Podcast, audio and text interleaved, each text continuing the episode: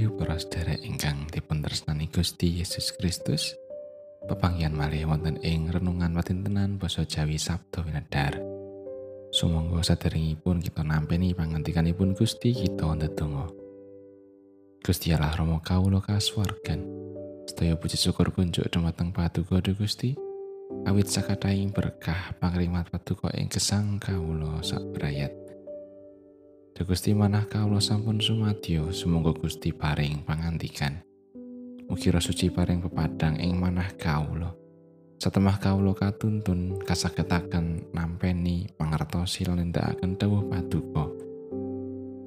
Tasih kathah dosa kelepatan kawula ing ngarsa paduka Gusti. Mugi paduka kersa ngapunteni. Wonten ing asmanipun Gusti Yesus Kristus kawula ndedonga lan saos syukur. Wawasan kapendet saking Ibrani bab 11 ayatipun tiga likur ngantos tigang dosa setunggal. Margo saka pracaya Nabi Musa sakwiyose diumpetake dening Rama ibune lawase telung sasi. Amarga padha nguningani menawa bayi iku bagus rupane sarta ora wedi marang perintahe Sang Prabu Marga saka pracaya Nabi Musa nalika wis diwasa ora kersa sinebut putrane Sang Prabu Pringon. Jelaran panjenengane milaur nandang sangsara karo umat Gusti Allah. Katimbang karo ngraosake kamuktaning dosa sawetara mangsa. Sarta nganggep menawa karemehake amarga saka Sang Kristus iku kasugihan kang luwih gedhe tinimbang karo saking raja branane tanah Mesir. Awit kang ditengo iku kanugrahan. Marga saka pracaya mulane banjur nilar tanah Mesir ora ajrih marang dukane sang Prabu. Awit tansah mantep mbetahake prasasat mirsani opo kang ora katon. Marga saka pracaya panjenengane mranata Paskah sarta panggepyuring getih supaya anak-anak pambarep aja nganti kagepok dening kang nenumpes marga saka pracaya wong iku padha ngliwati segara abang kaya lumaku ing daratan. Mongko wong Mesir padha klelep nalika padha nyoba mangkono uga. Marga saka pracaya baluwartine kutha Yeriko padha jugruk sawise diubengi pitung dina lawase.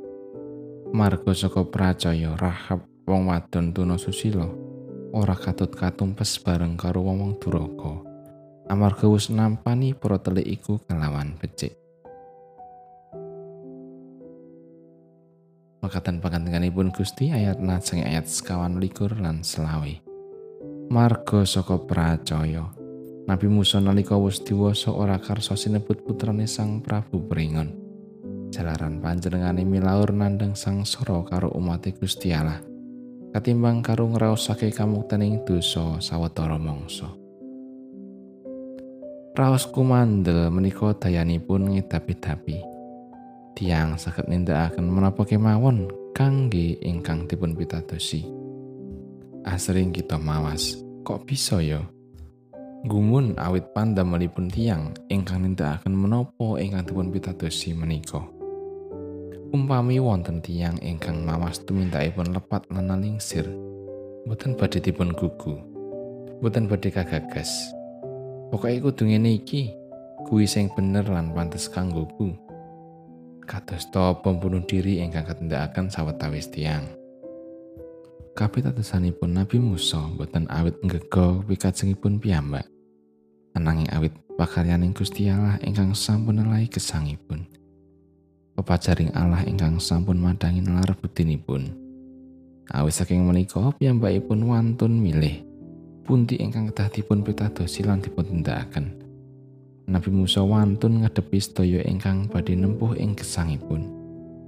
Jelaran panjenengane milaur nandang sangsara karo umat Gusti Allah katimbang karo ngraosake kamuktening dosa sawetara mangsa. Inggih menika ingkang wigati. Milaur gesang sekeca ndlarung ing dosa. Nabi Musa langkung remen kagolongaken minangka umatipun Allah tinimbang minangka putranipun Sang Prabu Pringon. Dados pangangit serat Ibrani nedahaken ageng kapitadosanipun Nabi Musa ingkang datengaken kekandelan nindakaken sedaya dawuhipun Gusti minangka kayekten jati. mangu-mangun ing gesang napa milih namung gego pemanggih lan kajengipun piyambak tentu saged dumawah ing kasangsaran dumawah ing sarupaning piawon kangge diri pribadi lan sesami panimbang pamawas lan pandamel kedah kinantenan iman lan kawicaksanan paringipun Gusti Allah manteping percaya ing Gusti badhe ndayani kegiatan ing lampah ing sadingah kawontenan daya pangaribawaning Gusti Allah badhe medal dayani greget lan semangat salebeting pangajeng-ajenging gesang kita. Amin.